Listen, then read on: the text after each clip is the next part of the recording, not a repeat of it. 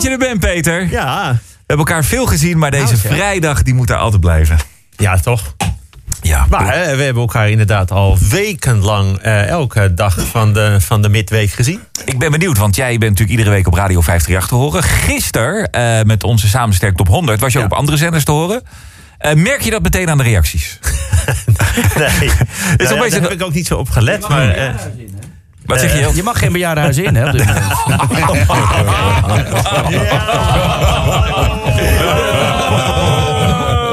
zullen ze leuk vinden bij onze ja, buren. dit zit diep, dit zit diep, Jelte. Ja, ja, ja. Nee, het was heel fijn. Maar we kunnen de week afsluiten. Want ik zie dat iedereen zijn papier al aan het verzamelen is. Ja. Het wordt op een stapeltje Ja, gelegd. voor Er jou ook tijd. niet leuk hè, dat iedereen zijn jas al aan heeft. Dat- Jongens, maar ga. Yes. Lieve Marianne, maandag 30 maart. Gisteren werd ik gebeld. Ik neem op. Hallo, met Peter. Ik hoor wel dat er iemand aan de andere kant is. Die zegt niks. Ik hoor ook dat die ander de telefoon op de speaker heeft. Er gebeurt wel van alles. Ik roep hallo, hallo. Nou, geen antwoord. Wel veel beweging. Nou ja, ik krijg later een appje. Ik heb je gebeld. Liefs, Irma, de gebarentolk.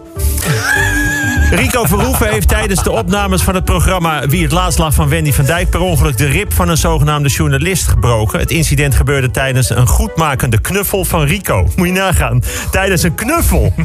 Wat ben je nou een loser in het ziekenhuis? Hoe is het gebeurd, meneer? Nou, ik kreeg een knuffel van iemand en het deed zo pijn. Ja, dan sta je niet sterk. Vriend van mij die had een paar maanden geleden zijn enkel gebroken. Volgens hem bij een motorongeluk. Van zijn vrouw hoorde ik dat het was gebeurd toen hij zijn nieuwe motor van de standaard wilde halen. En daardoor omviel. Een motorongeluk. Ik geef toe, mannen kunnen steeds minder hebben. Maar goed, aan de andere kant. Je kan tegenwoordig inderdaad van een knuffel heel erg ziek worden. Weten jullie wat de hoofdstad is van Groenland? Nee hè? Daarom vertel ik het. Dat is Nuuk. Maar daar gaat het nu niet om. De autoriteiten in Groenland of op Groenland, ik weet niet wat je moet zeggen. In elk geval de autoriteiten van Groenland hebben de verkoop van alcohol in de hoofdstad Nuuk tijdelijk verboden om kinderen te beschermen tegen geweld thuis nu de scholen gesloten zijn door de coronacrisis. Want ondanks dat alcohol enorm duur is op of in Groenland, wordt er veel zelf gebrouwen en er wordt daar enorm gesopen. Iedereen kent ook wel uitdrukkingen als zuipen als een Groenlander en ik lig totaal voor Nuuk en ik heb een kop als een geknuppelde zeehond. En heel veel tweelingen op Groenland heten daarom ook Gal en Gal. Waar het om gaat, alcohol is in deze tijd een extra probleem. Niet alleen op Groenland, maar een goede kennis van mij legt uit dat het helemaal geen probleem is. Want, zegt hij, ik drink inderdaad wel veel meer. Maar omdat ik thuis blijf, ben ik wel iedere dag op tijd op mijn werk. Nou, opgelost. Dinsdag 31 maart, weet je wie het ook extra zwaar hebben? Singles. Veel singles zijn nu extra alleen. Het hele daten ligt op zijn gat. Ja, online kan natuurlijk wel en het is enorm toegenomen. Maar dat is, dat is verveeld daten. En iedereen heeft een uiterlijk, uiterlijke verveeld datum. Je houdt het niet eindeloos vol. Je wil elkaar na een paar keer veelbelovend online toelachen en roepen... ja, dat heb ik ook. En nou, dan is het ongelooflijk dat wij elkaar zo aanvullen. En hou je ook van reizen? En mijn vrienden vinden mij zelfs te lief. Hoewel, nou, ik kan ook helemaal losgaan. Ja, dan wil je elkaar toch ook een keer echt zien. Maar dat mag dus niet, want dan heb je gelijk kans op een ziekte. En dat hadden we vroeger ook als we voor één nacht ergens bleven slapen. Maar dit is anders. Deze nieuwe ziekte kun je echt krijgen van een vieze wc-bril. Maar laten we afgelopen week ook eens van de zonnige kant bekijken. De lente is nog nooit zo zonnig begonnen in Nederland. Het aantal uren zon kwam de afgelopen 11 dagen ruim boven de 100 uur uit. Het oude record stond uit 1933 op 98 uur. Dat is ook veel zon, maar daar had je in 1933 veel minder aan. Want toen moesten mensen nog gewoon naar hun werk of naar school. Dus dan zat je de halve dag verplicht binnen.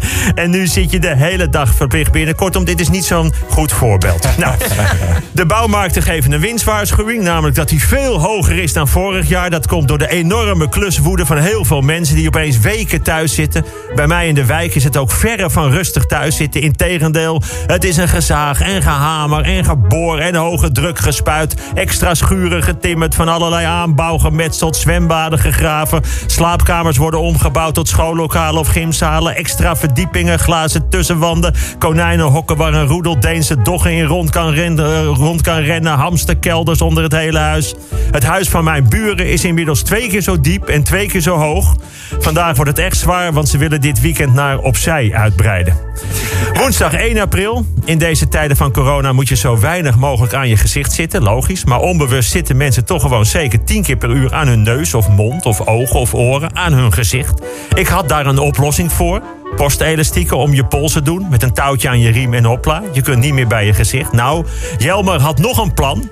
Uit het deel van Nederland waar hij vandaan komt. Daar deden mannen gewoon vrienden van Jelmer, hun handen s'morgens in de stront. Want dan bleef je daarna wel van je gezicht. Super Jelmer, top idee. Als je wil dat anderen niet aan jouw bewaarde tompoes in de koelkast zitten... weet je wat je moet doen? Gewoon laag je stront erop. Supergoed idee. Ben je bang dat anderen aan je vrouw zitten als ze ooit weer uitgaat? Dan moet je Jelmer bellen, die heeft een hele goede oplossing.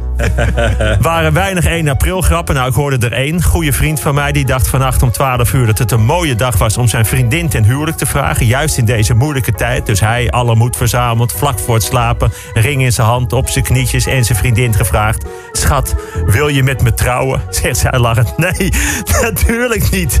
Waarop hij roept, nee, ik ook niet. 1 april, goed zeg. Of dacht je dat ik echt met je wilde trouwen? Nou, hier in 100 jaar, ik ga me toch niet officieel vastleggen op jou. En hup, gelijk, huilend opsluiten in de badkamer. En zij riep nog wel dat haar antwoord ook een 1 april grap was.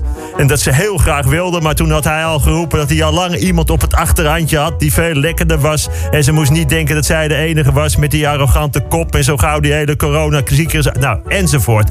Pas toen drong door dat zij erna had gezegd 1 april.